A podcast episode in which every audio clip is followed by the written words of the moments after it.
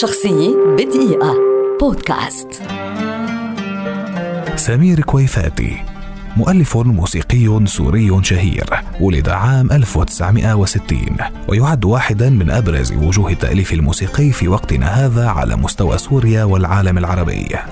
درس الموسيقى في المعهد العربي للموسيقى في حلب. وفي عام 1975 بدأ مسيرته الفنية إذ شكل فرقة موسيقية خاصة. وفي عام 1978 ألف فرقة مسرحية صغيرة وقدم من خلالها ثلاث مسرحيات لفيروز والأخوين الرحباني عمل عازفا ومؤلفا موسيقيا للإعلانات الإذاعية والتلفزيونية وألف موسيقى تصويرية لعدد من المسلسلات السورية نذكر منها أيام الغضب أوراق الزمن المر تل الرماد فارس في المدينة هوى بحري وجواد الليل.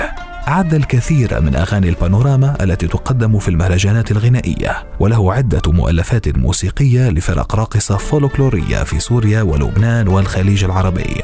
أنشأ استوديو خاصا في حلب اعتمد عليه في تسجيل أعماله الخاصة وهو عضو في نقابة الفنانين منذ عام 1994 نال سمير كويفاتي العديد من الجوائز عن الكثير من الأغاني التي قام بتأليفها أو إعدادها. ومن ألحانه نذكر لحظة حنين كذبك حلو عادي لو مرة حبينا تلجك دفاني روحي لو تغمرني أحسن لك تروح من غناء الفنانة الراحلة ميادة بسيليس التي تولى تدريبها ضمن كورال الطلائع عندما كانت صغيرة وبعدها ربط بينهما الحب والزواج.